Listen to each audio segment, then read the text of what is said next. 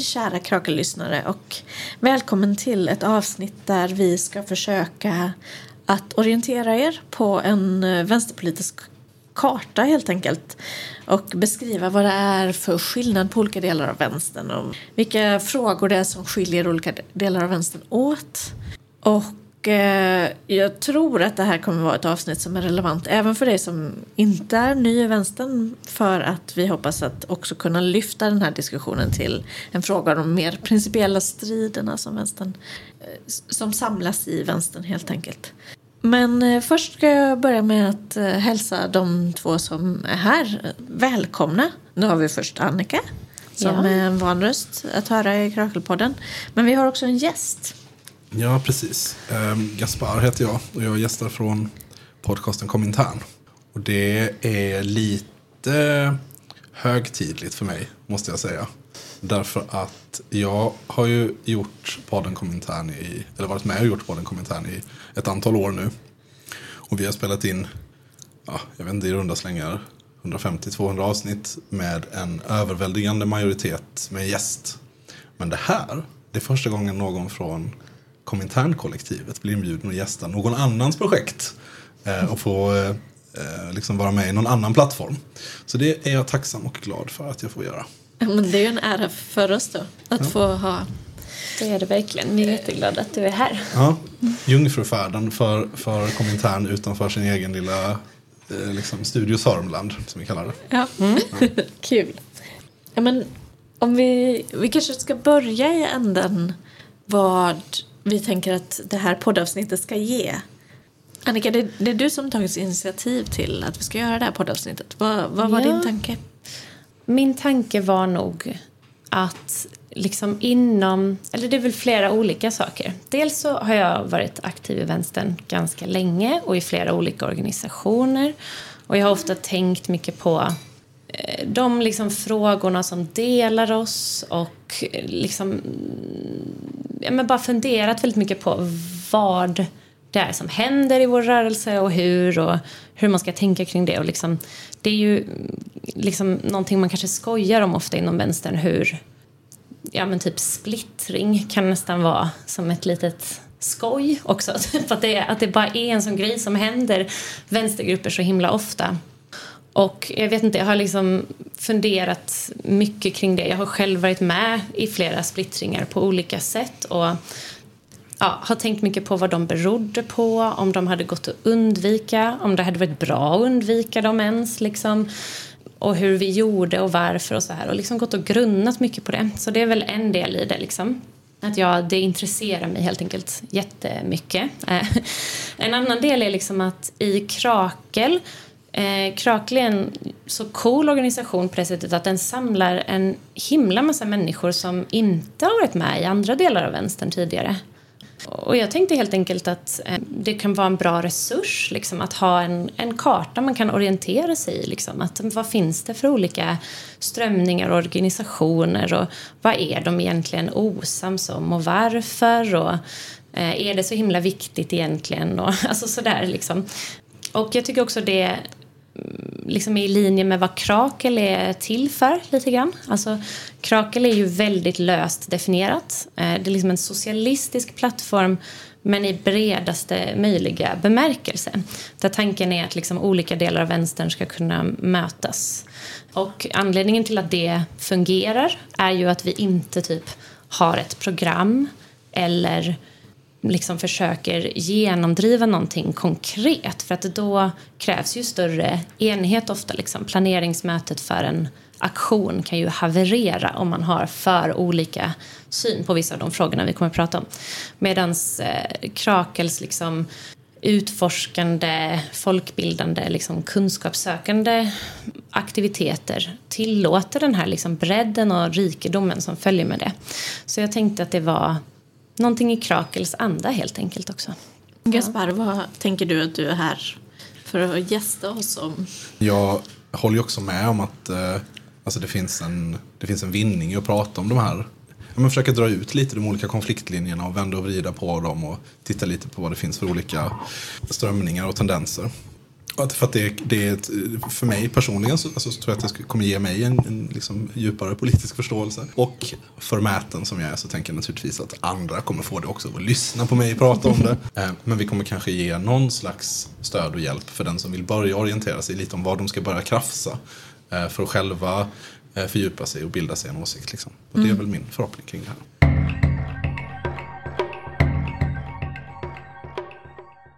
Tror att både liksom inom organisationens medlemskap och bland poddens lyssnare så finns det kanske ett större intresse för den här översiktliga kartan än vad det finns i många andra vänsterorganisationer som kanske också, alltså både då har en mer tydlig eh, gemensam linje men det hänger också lite ihop med att ha en viss kanon som man lär sig. Alltså, så har alla vänstergrupper jag har varit med i varit. Att liksom man blir utbildad, helt enkelt. Både i den egna liksom, miljöns eh, ideologi och historia men också då i liksom, vad som skiljer den åt från andra miljöer. Och det har vi ju inte alls eh, i Krakel utan där är det liksom helt eh, fritt och öppet och liksom luststyrt och nyfiket och så. Det finns liksom ingen sån eh, sammanhållande liksom kunskapsapparatur på det sättet. Mm, det jag själv tänkte på var att ja, men, detta med att vi är en plattform mm. eh, som inte tar gemensam ställning innebär ju också att vi inte... Vi kan vara öppna, nyfikna och behöver inte ägna oss åt att eh, dra linjerna mot några andra.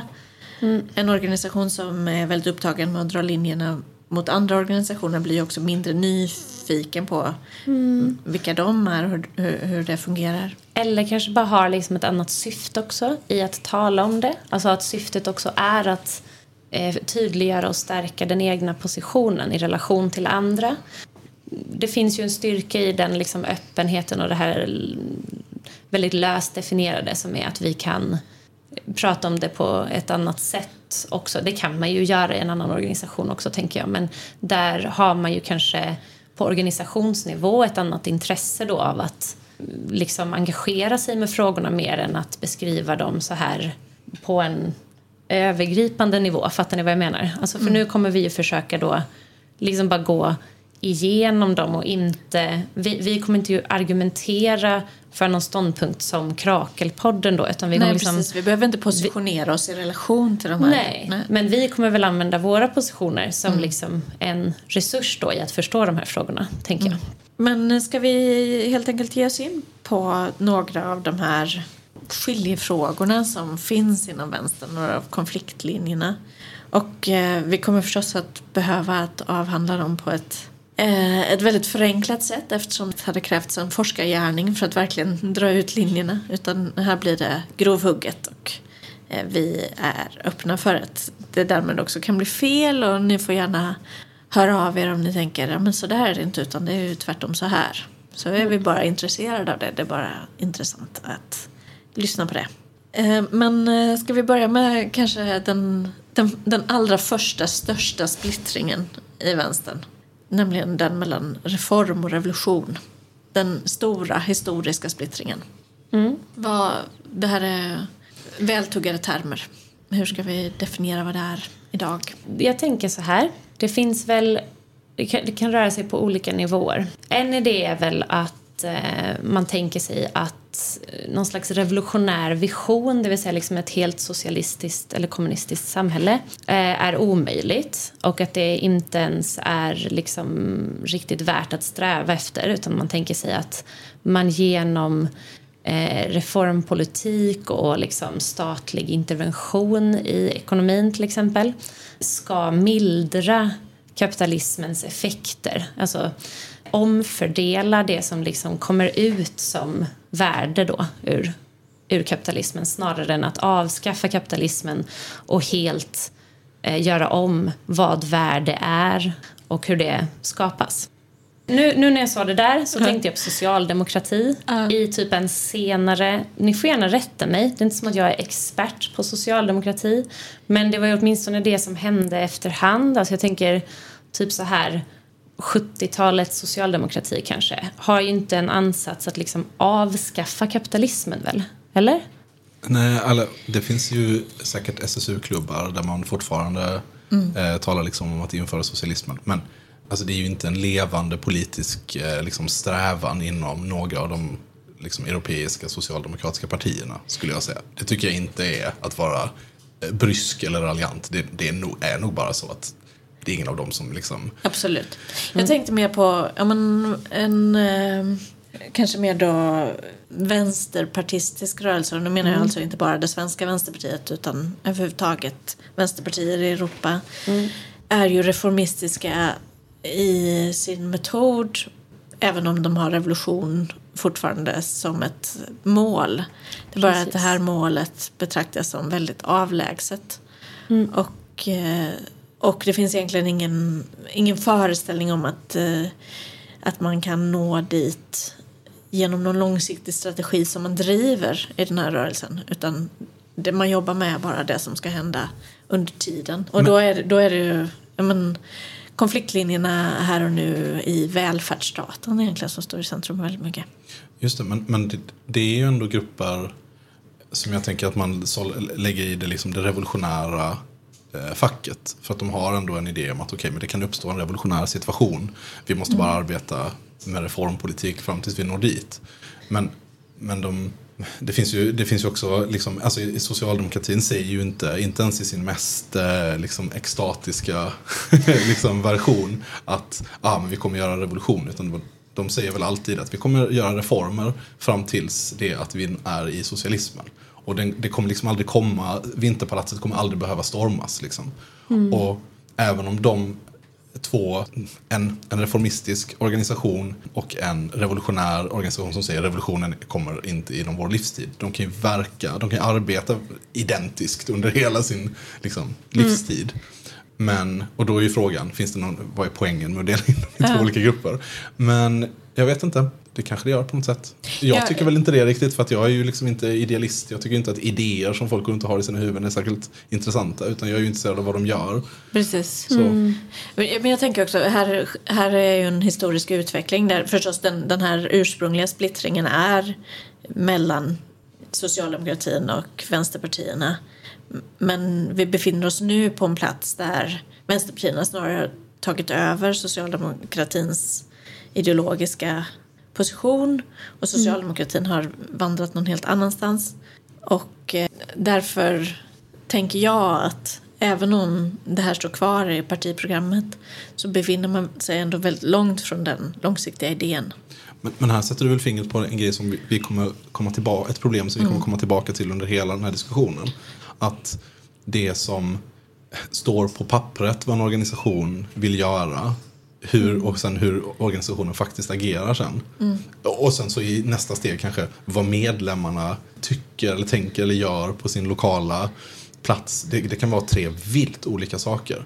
Och eh, ja, det är ju en utmaning för oss i det här samtalet helt enkelt. Ja. Men vad innebär då en tydligt revolutionär rörelse idag?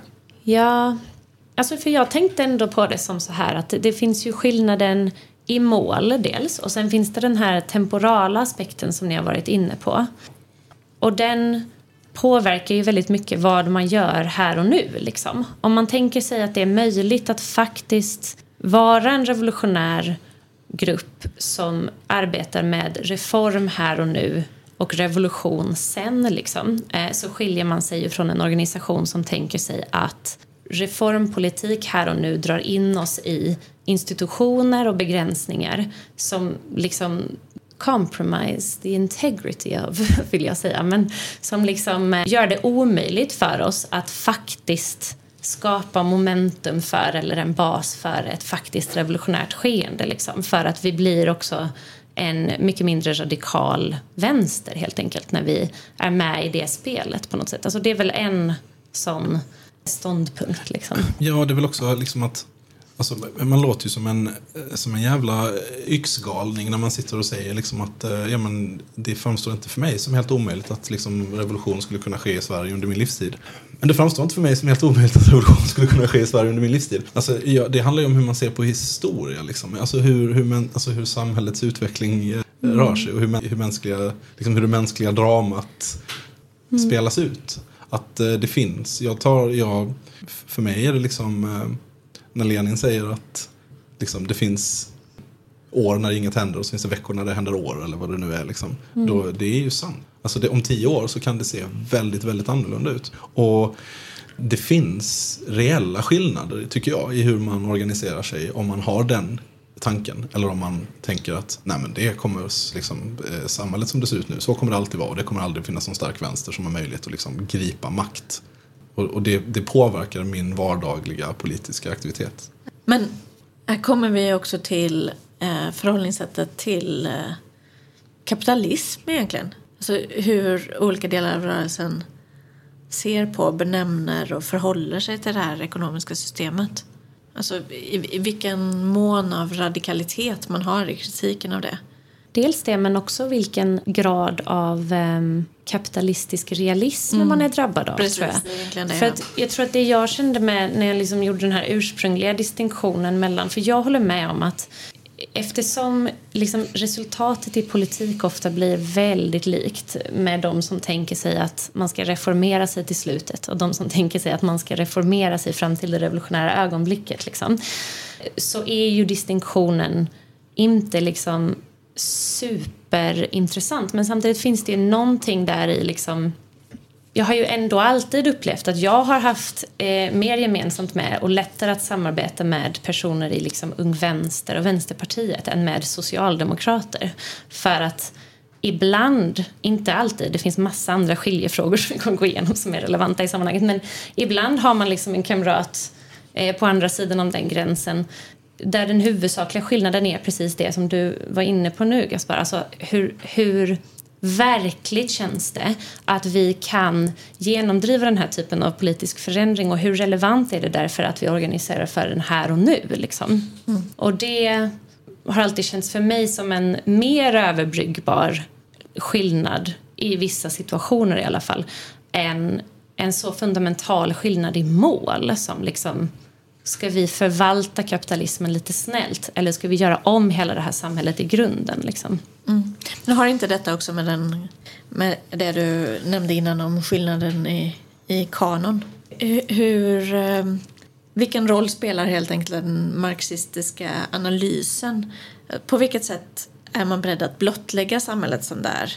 Och även om då förstås socialdemokratin till exempel förstås också har sitt ursprung i en marxistisk analys så tror jag inte, den lever säkert i en del eh, SSU-klubbar som du säger Gaspar men de flesta som är aktiva i Socialdemokraterna är ju inte särskilt ser inte samhället genom de glasögon som slipas av att läsa kapitalet där man ju helt plötsligt befinner sig i en slags eh, ett, ett avslöjande av samhället som, som genom ruttet på ett sätt som man, som man kan slippa mm. i en rörelse som bara vill eh, mildra eller... Mm.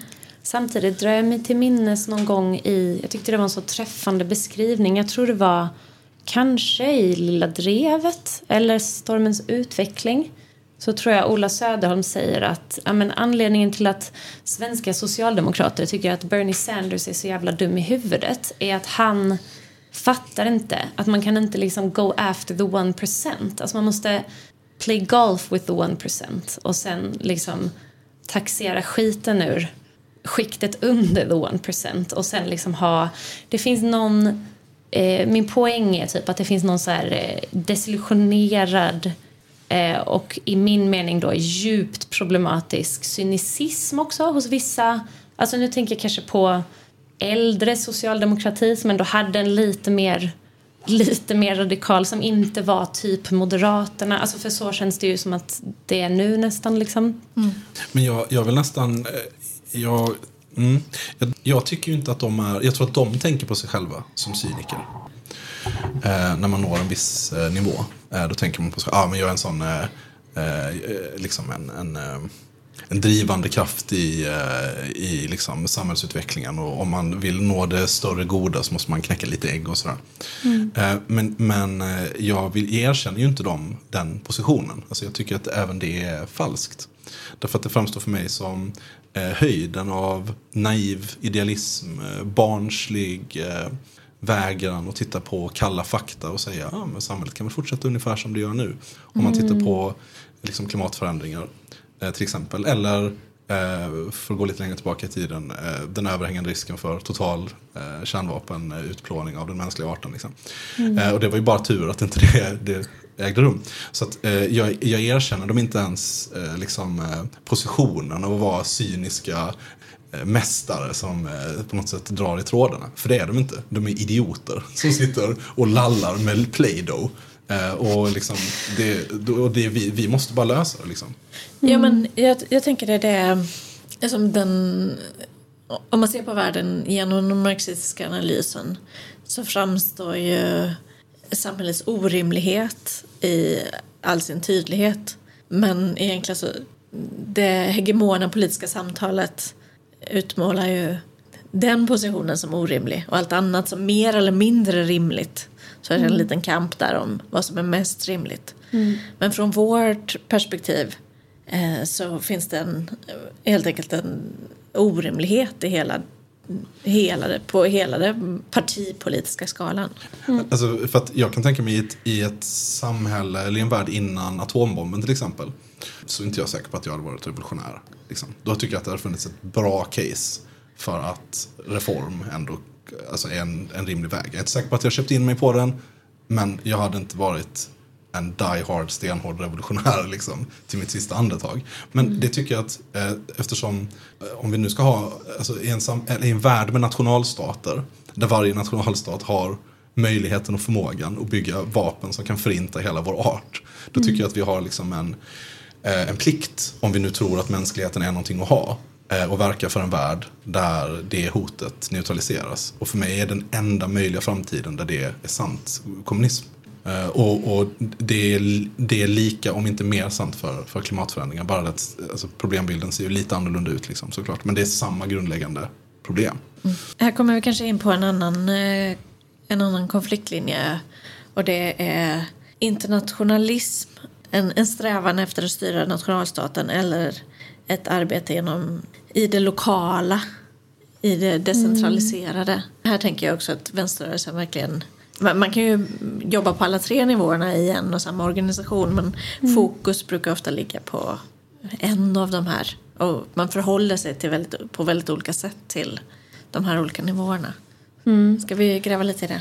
Det anknyter ju till både eh, skiljelinjen liksom hur man ställer sig till centralism kontra decentralism och också vad man lägger i begreppet demokrati. Alltså vad man tänker sig att det betyder.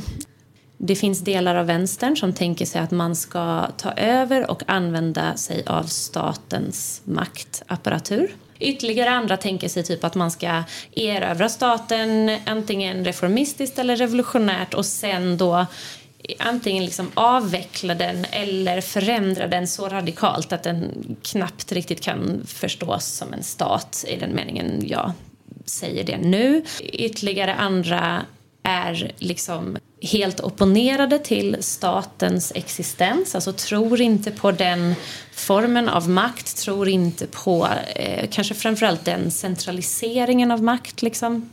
Ja, vill ni ta vid? Jag försöker bara liksom orientera oss i de här nivåerna du byggde upp. Liksom.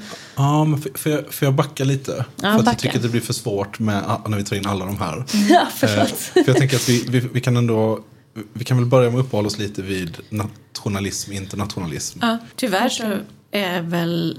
eh, Alltså detta är inte en särskilt levande diskussion idag när alltså vänstern är så tillbakatryckt att det är inte det är inte en fråga om ifall man ska försöka ta över staten eller Nej, snarare det- samverka på internationell nivå för att vi...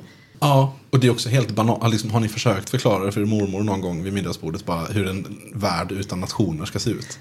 Alltså det blir ju, det blir ju gallimatias. Man sitter och är så bara, ja men på medeltiden så fanns det bara de här sammanslutningarna av olika feodalherrar och gränser var inte så tydliga. Och, hon bara, men vad ta, alltså det, det här är ju science fiction.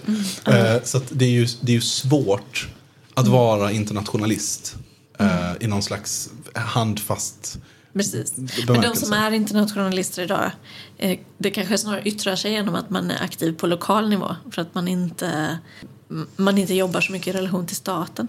Jag skulle ändå säga att i de politiska sammanhang som jag har varit med om så har man ändå gjort en, en, en reell ansträngning och åka runt geografiskt till andra länder och knyta kontakter och mm, finnas på andra ställen. Och, mm. Alltså att man åker på konferenser, demonstrationer, eh, mm.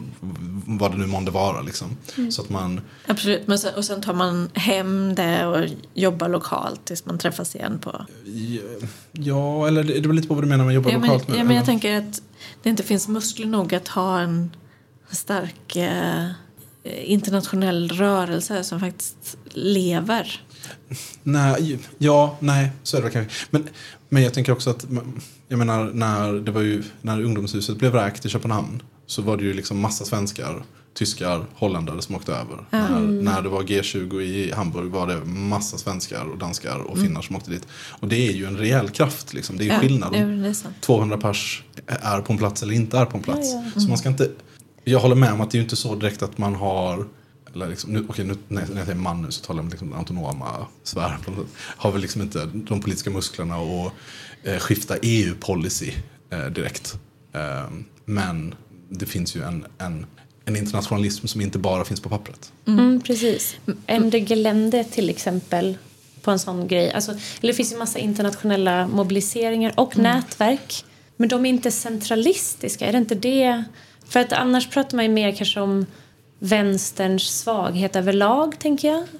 Men de är mm. inte, eller när du sa det så tänkte jag på typ när vi läste den här boken Revolutionary Jiddishland och vi läste liksom om hur så här 1900, tidiga 1900-talets kommunister bara var en, som en jävla organism liksom över hela Europa, Europa typ. Alltså bara så, så eh, centralstyrt eh, på gott och ont. Men det innebar ju att man kunde liksom agera på, en, på, på liksom en, ett internationellt plan med större kraft såklart. Liksom.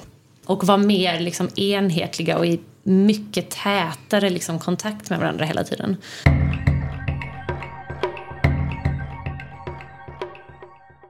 Olika, alltså den här marxist-leninistiska tendensen i vänstern men också liksom en, eh, vad ska man kalla det, typ en eh, dekolonial eller liksom postkolonialt influerad eh, antirasistisk rörelse liksom, som blöder in i men också finns utanför de här andra tendenserna vi har beskrivit hittills. Typ, tenderar ju att eh, fokusera mer på nationalism på ett annat sätt. Liksom. Alltså också på nationalism i termer av typ så nationellt självbestämmande, nationella befrielserörelser och så. Och det är del av ett fokus på antiimperialism också. Och det är ju inte alls lika starkt inom eh, vänstertendenser som är mindre intresserade av stater, typ. Eller? Skulle ni mm. skriva under på den beskrivningen? Ja, delvis. Men det, jag tänker också att det handlar alltså att liksom den autonoma miljön har varit ganska ointresserad. Eller inte, ja, men har varit, haft mindre fokus än till exempel en marxist-leninistisk miljö på antiimperialism och eh, nationella befrielser och sånt där. Det tänker jag också är, alltså det, det, den autonoma kritiken av marxist-leninismen är ju mycket så här att den, eh, ja, men alltså det, den, den bygger bara stater och det är bara en annan form av förtryck och den reproducerar egentligen bara en annan form av kapitalism eller vad det nu bla bla bla liksom. Eh, och Eh, då blir liksom, då tittar man ju liksom med lite skepsis på Okej, men säg att Palestina liksom befriar sig, vad, vad, vad kommer det bli av det då? Alltså, är det bara en ny kapitalistisk stat? Sen är det ju just i det fallet så att alltså, Mm. Den israeliska ockupationen är så ohygglig, så nästan, eller vad som helst nästan hade varit bättre. Men, men ni fattar vad jag menar, det finns den, den, den autonoma misstanken om att det kanske inte blir så jäkla mycket bättre om marxist-leninisterna vinner. Och mm. därför är man inte så peppad på mm. nationella befrielserörelser. Och därför, även om man kanske har en, en djupt hållen övertygelse om liksom, alla, alla folk i världens rätt till frihet och självbestämmande. Mm. Så, är, så finns det liksom en, en medärvd eller direkt upplevd skepsis mot, mot mm. just marxism-leninismens idé om hur den befrielsen ska se ut.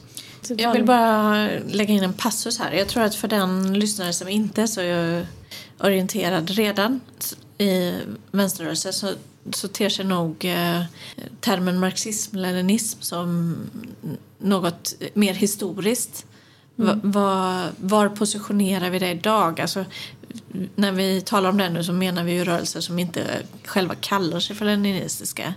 Utan, utan som vi mer definierar på det viset. Jag tror att kommunistiska partiet kallar sig nog marxist. Ja, ja precis. Absolut. Och det är de, de, de starka rörelserna tänker jag snarare. hur, hur tänker du då? Eller talar vi Sverige nu eller internationellt? Eller? Eh, Jag menar nog internationellt, men om vi tar Sverige som exempel så, så pratar vi ju till exempel, eh, tänker jag, om Vänsterpartiet som ju har ett leninistiskt arv men ju inte kallar sig leninister längre.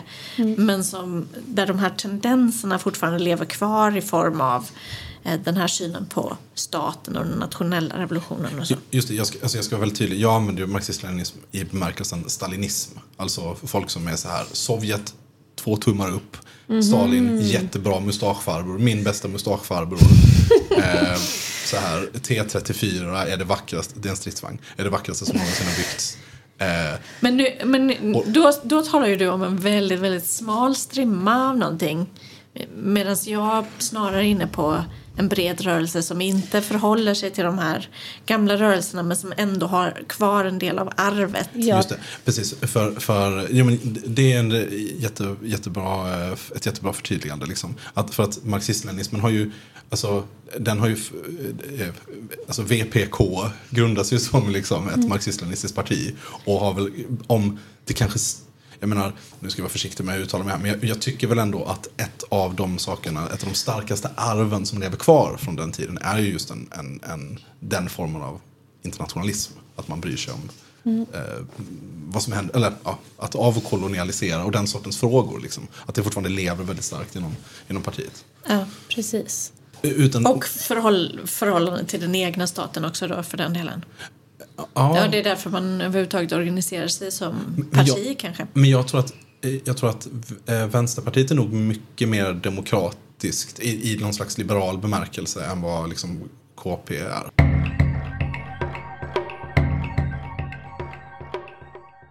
I mina möten med eh, KP-are i liksom, politiska sammanhang så står ju de oftast de facto i dagsfrågor till höger om Vänsterpartiet i Göteborg. Alltså de har en mer saktfärdig reformistisk hållning. Och sen så har de, det är så märkligt därför att de har, eh, jag märkte det supertydligt när det var mycket eh, brouhaha om eh, inskränkningar i strejkrätten i Göteborg och samtidigt så var det ös i hamnen och hamnfyren gick ut i strejk. Och då var det liksom som att eh, de för exakt samma politiska strider stod fast mycket, mycket intensivare på 70-talet i Göteborg. Liksom. Och då var det som att en, en, liksom en ficka av politisk vitalitet och radikalism liksom, eh, öppnades upp inom en massa KP och de hade helt korrekt linje. Vi tyckte exakt samma sak. Och sen så var det som att i alla frågor som hade hänt efter typ 82, då var det som att nej okej, då kan vi inte prata med varandra längre. Då håller vi inte med om någonting. Så att det, fanns, det var verkligen tydligt att den, den organisationen hade varit var vital, den hade liksom händerna i jorden, den var inblandad i kamp, den var en levande organisation som bestod av arbetande människor. Och sen så har den sakta liksom förtvinat och förstelnat, så nu är det liksom en, en, en mumie. Eh, På ett, ett, ett mjukare, en mjukare beskrivning av det som jag ändå tycker är eh, korrekt är ju att det är ett nostalgiskt projekt. Ja, alla- nostalgiskt är väl ett jättebra ord att använda, tycker jag också. Verkligen. Det, alltså, det där med liksom ingenting som har hänt efter 1980 någonting är ju liksom verkligen en prägel på... Alltså man läser det här partiprogrammet så går det igen på många olika sätt såklart men kanske liksom det allra tydligaste som bara hoppar ut från sidan är liksom förståelsen av typ feminism och antirasism eh, och andra liksom jag vill inte kalla dem representationspolitiska frågor men jag tror att alla kommer förstå vad det är för fält jag menar då. Alltså jag, så, ja. Men det här eh, slår mig nu när jag tänker på det att alla de rörelser som vi pr- pratar om eller jag skulle säga att eh, ingen av dem egentligen är riktigt uppdaterad till eh, den, den senkapitalism eller vad vi ska kalla det tillstånd som vi befinner oss i nu. Alla är på ett sätt mer eller mindre i dåtiden i sina föreställningar om sig själva åtminstone. Alltså jag tänker också att det finns jättemånga aktiva socialdemokrater som i princip lever mm, som fortfarande befinner sig i eh, huvudet i en tid när Palme var vid liv och i de kamper som eh, de bedrev då. Det är... Eh, ja, men det- här är också någonting som kanske präglar vänstern. Att man inte fullt ut... Alltså det finns en, I många av de här rörelserna finns ju en analys av var vi befinner oss idag. Men man har inte fullt ut uppdaterat kampen till var vi befinner oss idag. Eller på något vis den politiska riktningen från var vi är nu framåt. Jag vet inte, håller ni med mig om det? Jättemycket. Ja. Jag, tror, jag tycker att det är liksom ett definierande problem. Alltså, det, det är ett problem med att vi inte riktigt eh, vet hur vi ska förhålla oss till nationalism och internationalism därför att våra organisationer helt enkelt är så svaga att det är typ svår, alltså svårt för oss att, göra den frågan begriplig. Men ett större problem skulle jag säga är att vi, vi lever i en situation där allt under himlen är kaos och situationen är inte utmärkt. Alltså vi vet inte hur vi ska Nej. orientera oss i det riktigt. Eh, och, och det är ju inte sant, det är ju sant både för liksom, de reformistiska vänsterpartierna, eh, trottarna, autonomerna. Alltså, det är ju ingen som har en så här bra grej på gång riktigt tycker jag. Eh, Jag tycker inte det. Det, det. det är inte en... eh, Jag vill inte låta uppgiven där. Jag tycker att det, desto större anledning att hålla på och testa olika saker och göra massa olika grejer och se vad man kommer fram till. Men det, I, jag- I väntan på det, på det där historiska förändringen som, ja, eh, som kommer... Eh, där vi är mer eller mindre redo att gripa ett momentum i farten. Ja, precis. Och, och där kommer man ju till den frågan om objektiva och subjektiva faktorer. Att så här, ja, hur, mycket, hur mycket påverkar vi och hur mycket handlar det bara om att gripa ett... Egentligen tycker jag det är ganska ointressant. Jag tycker att vi måste agera som om vi har väldigt mycket agens. Vi måste, det bara, handlar bara om att låtsas. Eh, därför Vill du förtydliga nu för den som inte är insatt i den här diskussionen bara Okej, vad som avses? Men, ehm, när man tänker på liksom hur eh, mänsklighetens historia liksom, eh, rör sig framåt så är det ju så att eh, det är ju massa beslut som människor tar som påverkar liksom, vad som händer i världen. Ehm, och frågan blir lite så här, om vänstern är liksom en del av alla de här människorna som tar beslut, hur mycket påverkar våra beslut hur samhället rör sig? Mm. och hur mycket är det så att liksom, hur mycket granit det finns att utvinna om klimatet håller på att gå, på att gå åt pipan. Alla de här sakerna. Liksom. Hur, mycket, liksom, hur, mycket tar våra, hur mycket är våra aktiva beslut? Hur mycket påverkar våra aktiva beslut vad som händer i världen? Eh, och då talar man då om eh, det finns objektiva faktorer som är sådana saker som att eh, planeten håller på att värmas upp. Eh, det finns bara si och så mycket olja i marken. Eh, det finns bara så mycket guld, mark, whatever, saker, ting i världen. Eh, och sen finns det då subjektiva faktorer som är vad kan jag göra? Eh, kan jag demonstrera mot att mat kostar mycket? Kan jag ockupera ett hus för att min hyra är för hög? Och så vidare. Och så vidare. Och I vissa fall så är det jättetydligt att de liksom, objektiva faktorerna inte möjliggör revolution. Vi tre kan ju inte gå ut eh, liksom köpa varsin pickadoll av någon skummis och springa till Rosenbad. Liksom. Det kommer ju bara inte funka. De objektiva faktorerna finns inte.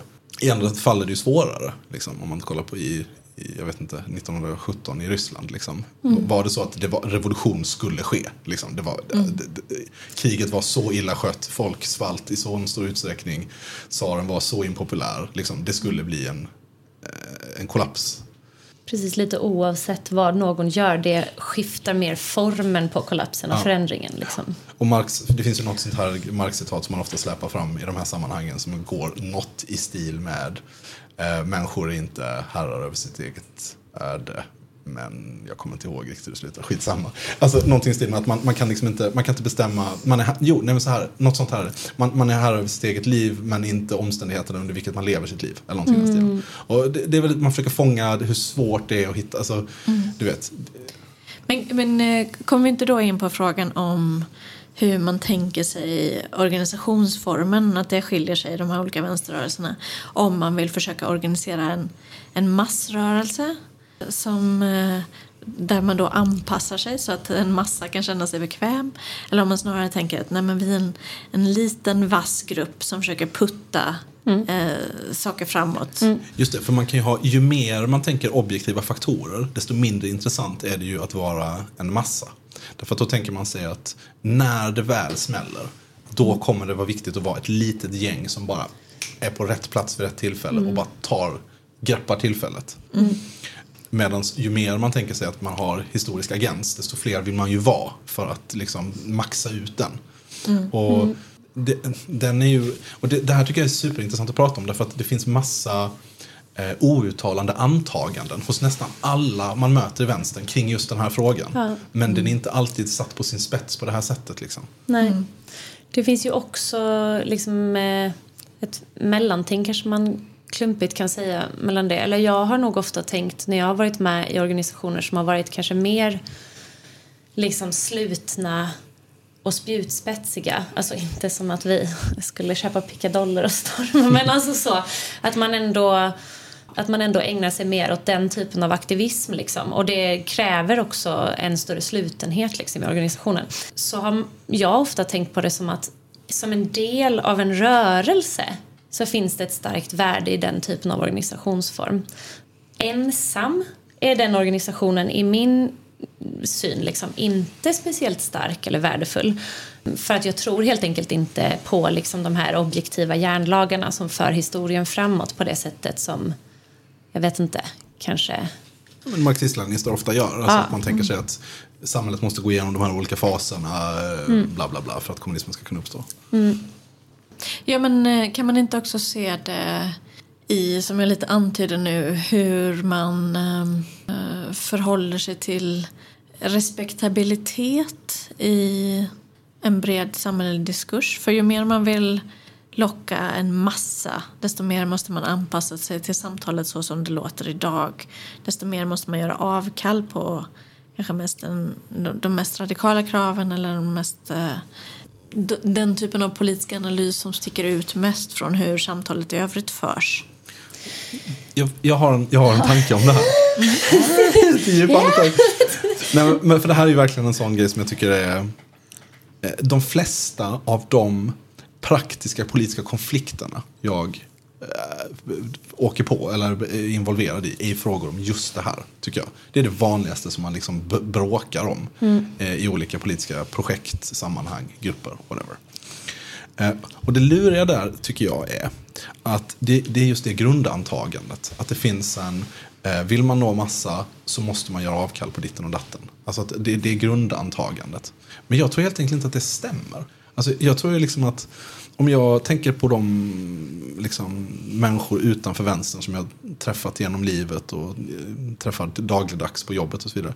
Så har de ju ofta Eh, helt vansinnigt radikala idéer om saker. Alltså det är inte, det är inte uppseendeväckande att gå in och säga fan vi borde ju bara bomba hela jävla Stockholm, bort med det liksom. Det är ju ingen som tycker att det är weird att säga på en arbetsplats i Göteborg. Eh, och sen så kanske man inte Liksom, det kanske inte är så, eh, just att man ska bomba platsen, det är inte riktigt det som är min poäng, men alltså att, att folk är så här, bara, det här är helt sjukt det här samhället vi lever i, det är helt vansinnigt, det, det krossar människor, det är ohållbart, de flesta människor är, har djup förståelse för de ekologiska, liksom, den ekologiska katastrofen som vi håller på att liksom, snubblar in i. Eller medvetet för sig in i beroende på. Eh, så att, eh, utan det handlar snarare om anledningen till att folk inte agerar på det här är ju att de ser ingen eh, tilltalande eh, politisk kraft som försöker lösa det. Som inte bara skulle göra det värre. Så n- när jag går in i, i fikarummet och säger eh, vi borde verkligen göra revolution så tittar de på mig och säger mm, du, vi behöver inte en mustaschfarbror till. Sätt dig ner, liksom. ta det lugnt. Eh, så det är liksom det som är problemet snarare än någonting annat. Ja, men jag tänker också att det handlar om att det politiska samtalet hela tiden silas genom media som, eh, som avgör respekt, respektabilitet. Så att Alltså- även om man kan föra en viss typ av samtal i ett fikarum så, eh, så fort man för upp det på en mer kollektiv nivå så, så framstår andra saker som Men jag, acceptabla att säga. Ja, jag tror ju... Alltså jag, jag tror att det här är en fälla som vänstern ofta går in i. Att man tänker sig att man måste liksom vattna ner eller göra avkall på sin politik för att appellera till vad man ser som en typ eh, någon, slags, någon slags massa eller typ vanlig människa som inte fattar och inte håller med. Liksom. Och även om det naturligtvis är så att liksom radikala röster kan bli liksom kraftigt mm, alltså få kraftiga liksom nackdelar i något slags mainstream mediaflöde liksom, så tror jag ändå att det inte är där problemet ligger. Däremot är respektabilitet intressant. Alltså jag tror ju personligen att det är en stor nackdel att vara en socialistisk organisation som försöker vinna respektabilitet i vårt samhälles spelregler. Liksom. Eh, jag tror bara man förlorar på det. Men det, fin- det här är en central skiljefråga. Det finns en massa organisationer som verkligen ser det som ett viktigt led i sin liksom, taktik och strategi. Att de ska vinna respektabilitet i något slags vad ska man säga, i liksom det politiska samtalet eh, väldigt brett definierat. Det är liksom typ partipolitiska politiska mm. samtalet till exempel eller typ det som jag tänker på som det liberala politiska samtalet. Liksom, att man mm. inskränker sin egen politik för att passa in där för att man tänker att det är nödvändigt för att mobilisera massan. Mm. Och det tror jag inte alls är sant utan jag tror att motsatsen är mer sann. Liksom.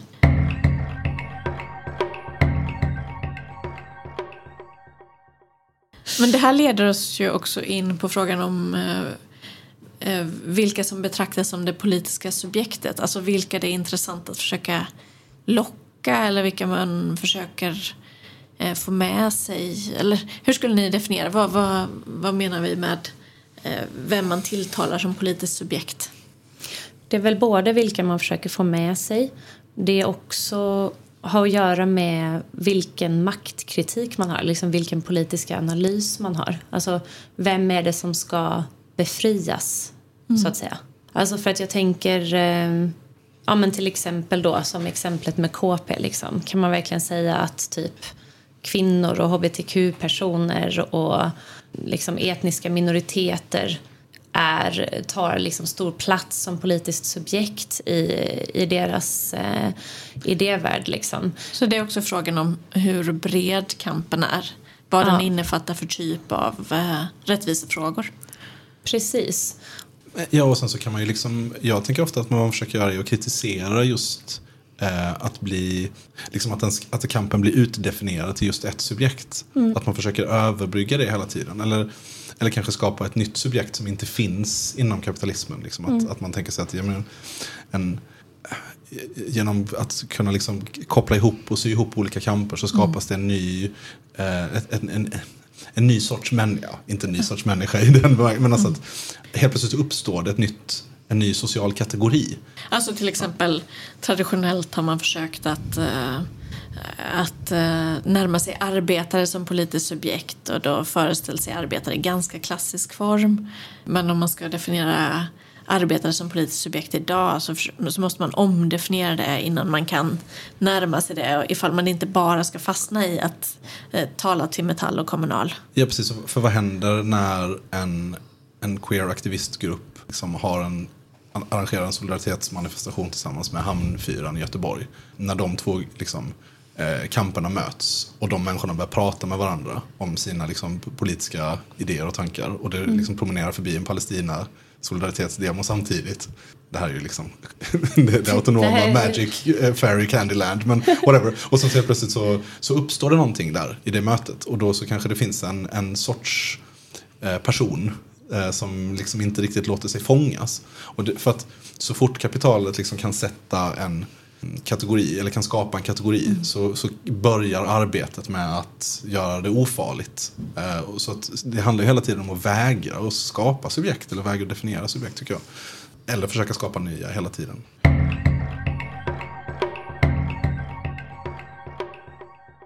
Det finns liksom en historisk idé om att ja, men, eh, när arbetarna gör revolution och avskaffar kapitalismen så kommer liksom allting bara lösa sig. Alltså, då kommer alla de här andra orättvisorna gå upp i rök.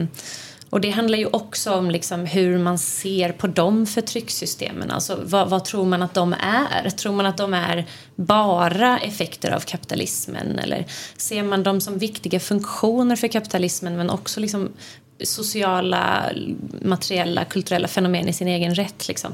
Och det gör de ju också intressanta, om man ser det så, så är de också intressanta som politiska frågor i sin egen rätt. Liksom.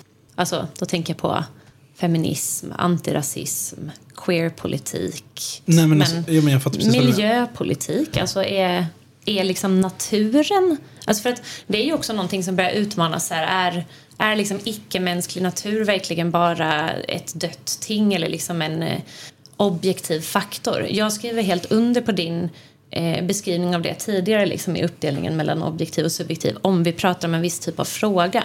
Samtidigt så är den också liksom eh, en spännande utmaning att liksom, men så här är det så att typ bin också är kamrater?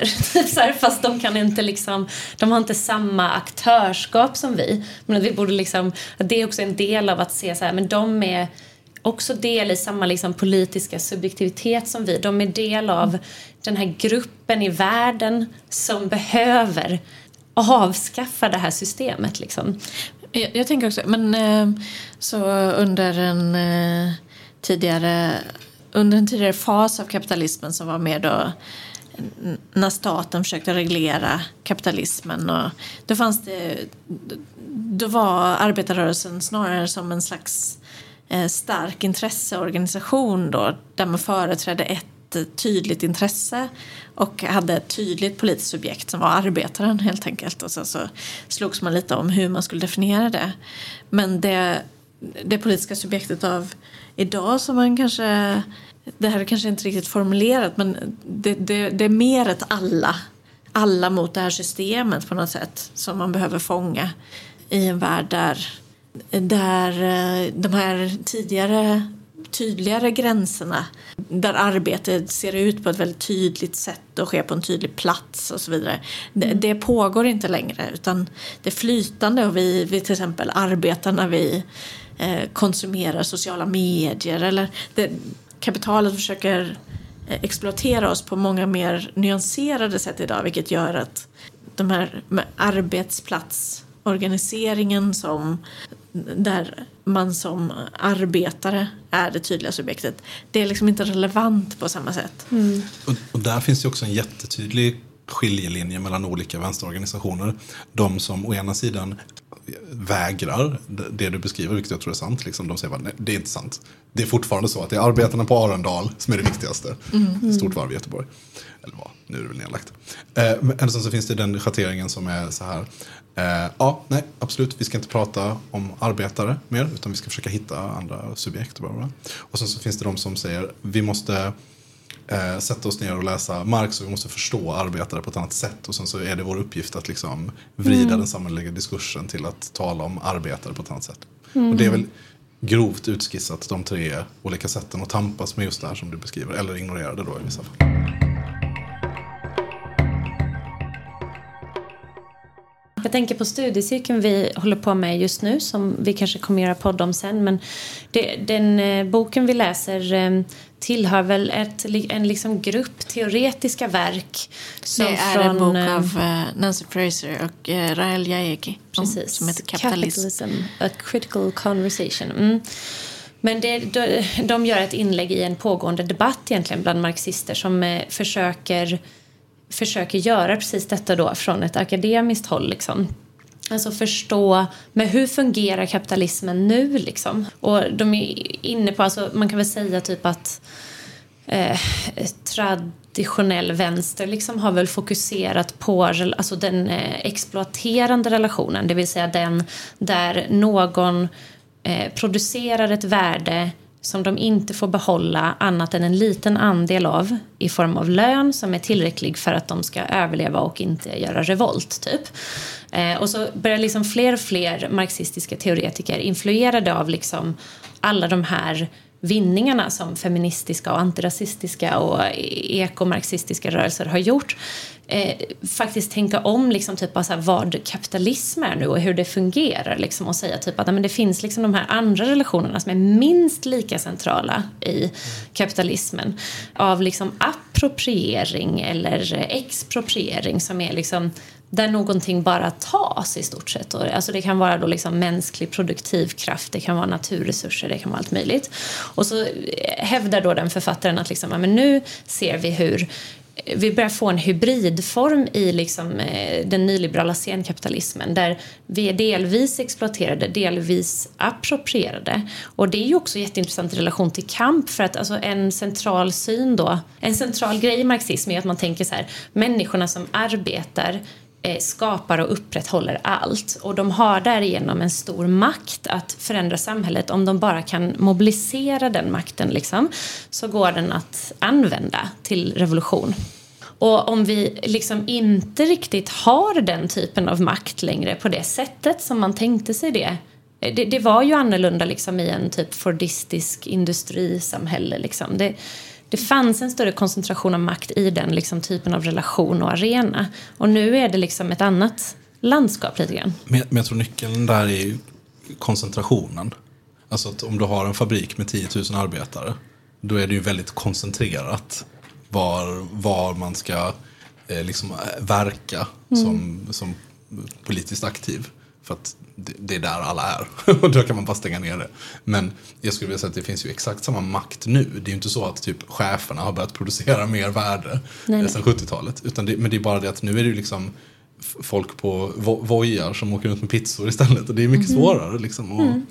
men, men, men jag tänker också på bara för, för, för mig var det en, en jättestort politiskt kliv för mig var när jag fick förklarat för mig den, eh, liksom, eh, eh, den rep, det reproduktiva arbetets plats i mm. kapitalet. Mm. Okej, okay, wow, okay. Mm. Så det är inte, för att det, för där kan man verkligen tala om decentraliserad makt. Därför mm. att i ett, i ett, och det här är ju, det är väl Italien på 70-talet som det här tar skruv, liksom den här teoretiska insikten. Att det är ju inte bara i fabrikerna som, som den här makten finns utan det är ju varje fabriksarbetare är ju beroende av att komma hem sen till en kärnfamilj där barnen tas om hand, eh, kläder tvättas, mat lagas. Mm. Om inte det här sker så är, är arbetaren oförmögen att gå sen och producera i fabriken.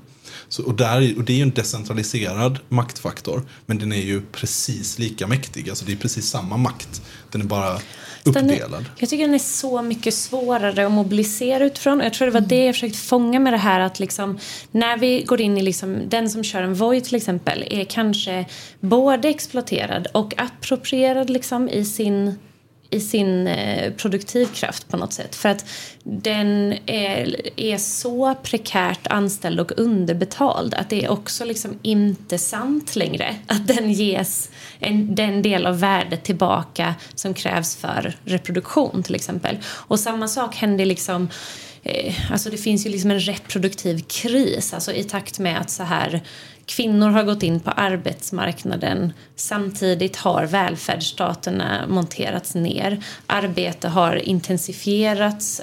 Arbete ger mindre betalt. Människor måste jobba mycket mer. Alltså, det finns massa såna här grejer som liksom gör att bara... Det jag känner är snarare att eh, vi blir så hårt... Jag tycker de visar oss hur jävla hårt de kan pressa oss till, eh, till det där. Att liksom, ja, tydligen behöver barn barnen inte mår bra liksom, för att man ska kunna gå till sitt jobb. Eller så här. Och det finns en makt där, det håller jag verkligen med om. Men den är så, det är så underbart att tänka sig att jag skulle jobba i liksom, en fabrik istället med 3000 kamrater istället för att sitta hemma vid min dator. Liksom.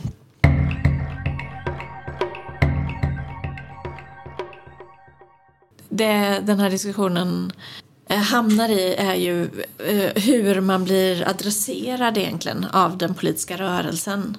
Om den politiska rörelsen går ut och säger eh, arbetare, stå upp mot kapitalet men ingen identifierar sig som arbetare på något tydligt sätt så, så blir det också svårt att slå igenom mm. i den typen av föreställningsvärld som är dominerande i samhället. Utan då, då når man kanske bättre om man säger till exempel hyresgäst, organisera dig för eh, en rimligare hyra eller eh, Malmöbo, organisera dig för en bättre stad. Eller, det finns andra kategorier helt enkelt som man kan eh, tilltala. Och, och här förhåller sig ju också rörelser på olika sätt. Att man, man använder, oavsett vilken om man har en marxistisk analys av arbete och kapital eller inte så har man kanske en, olika tendenser i hur man tilltalar det politiska subjektet. Samtidigt så tycker jag att det finns en fälla i att försöka liksom jaga eh, liksom nyckelsubjektet. Att man tänker sig, ah, om, vi bara, mm. om vi bara kan få eh, få, ett, eh, liksom få, få någonting att säga till om bland undersköterskorna. Det, det är där det smäller. Liksom. Jag, mm. jag har länge varit en del av en organisation som har som informell slogan beväpna undersköterskorna. Liksom. Jag, jag tycker det är ganska bra men, men, samtidigt så finns det ju liksom en, det finns en fara i att snöa in på ett subjekt. Liksom. Eller, det spelar egentligen ingen roll vilket det är. Mm. Det är bara att, för jag, liksom, en av mina sådana djupt hållna övertygelser är ju att det är just i att vägra att fastna i ett subjekt och mm. att vi ska försöka skapa märkliga och oförutsedda kombinationer som, som det, det, blir verkligt intressant. Liksom. Och det är, då, det är då det verkligen kan smälla.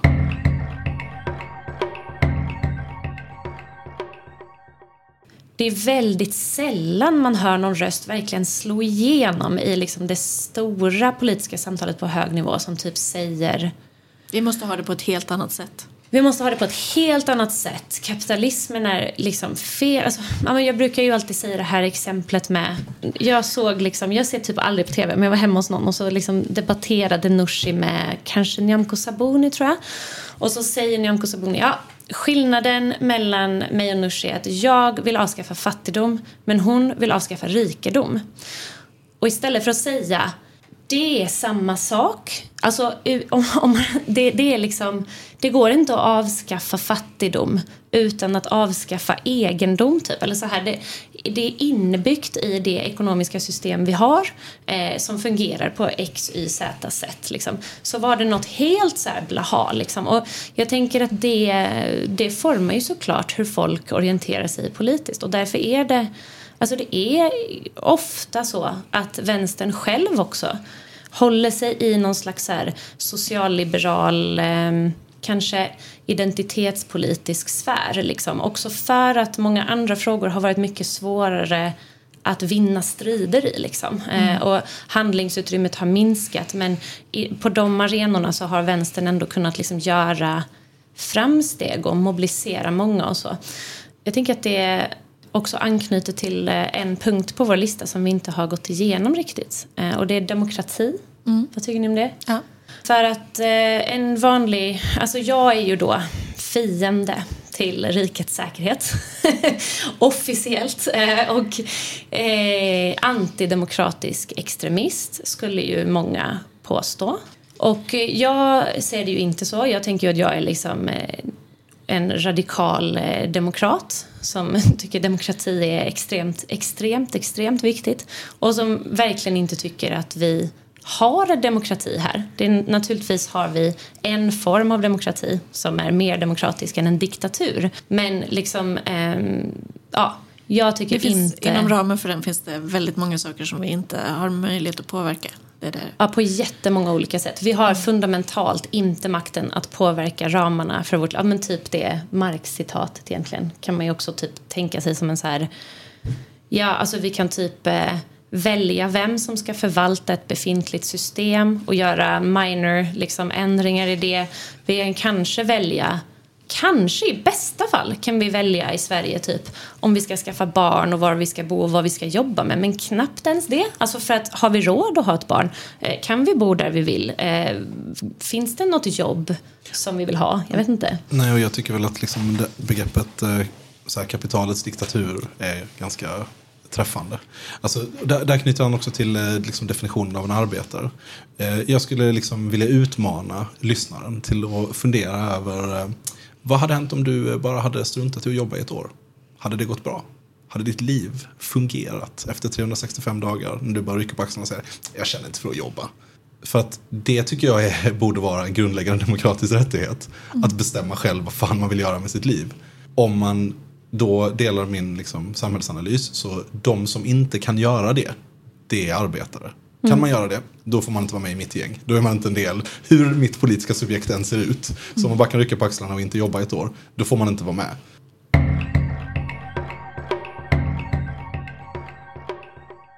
Det var väldigt svårt att göra en vänsterpolitisk karta. Eh, och det visste vi ju. Jag är väldigt glad att ni försökte göra det med mig. Och jag mm. tror mm. vi ändå lyckades med någonting. Eh, så känns det i alla fall för mig. Jag, jag känner mig mycket klokare det har ju verkligen märkts i vårt samtal också att de här konflikterna och motsättningarna är ju reella liksom, och viktiga och typ avgörande i många sammanhang. Jag, jag tycker att eh, ja, men det finns någonting, en, en svårighet här är det som jag talade om eh, ganska tidigt att många organisationer befinner sig i historien snarare än i, i samtiden i hur de tänker på sig själva. Så det gör att man måste, för att faktiskt förstå vad de är idag så måste man definiera hur eh, samtiden ser ut. Och det låter sig inte riktigt göra så därför kan vi inte heller fullt ut förstå utan vi kan bara försöka fånga och ringa in. Men, men det, jag tror också att det är en fälla att tänka sig att, de, att det var sant för de politiska organisationerna då, att de förstod Nej, situationen. säkert inte. Utan Nej. de var nog, man man precis. befinner sig alltid i... Exakt, vi är alltid ett steg efter. Liksom. Ja, det, Och, och vi kommer på tio, om tio min år... arvas flugga, fl, min arvas uggla har aldrig Just det, precis. lyft förrän tiden har gått. Ja. Så att kommer, om 20 år så kommer vi kolla tillbaka på de vänsterorganisationerna nu och vara så här, ah, okej de var så här och så här och så här. Men Mm. det, ja. Precis. Alltså jag vill tacka er för att ni tog er tid att sitta ner och prata om de här sakerna med mig. Eh, det var jättevärdefullt för mig. Eh, superintressant, givande samtal. Min enkla förhoppning är att den som har lyssnat känner samma sak. Det här är ju ett samtal som vi, eh, som vi måste avrunda nu men som inte kommer ta slut utan där de här stora politiska frågorna kommer vi i våra respektive poddar behöva fortsätta att bena i såklart. Men att lägga upp de här frågorna på bordet på det här viset och försöka eh, dra isär dem. Hopp, vi hoppas också att vi har gjort det på ett tillräckligt eh, pedagogiskt och öppet sätt för att även den som inte tidigare är väldigt väl insatt ska, ska förstå vad det är vi har talat om. Mm. Och, eh, och därmed så stänger vi dörren för idag. Tack så mycket till er två som sitter här. Tack. Tusen tack för att jag fick komma. Tack för att du kom. Tack till er som har lyssnat. Hej då. Hej då.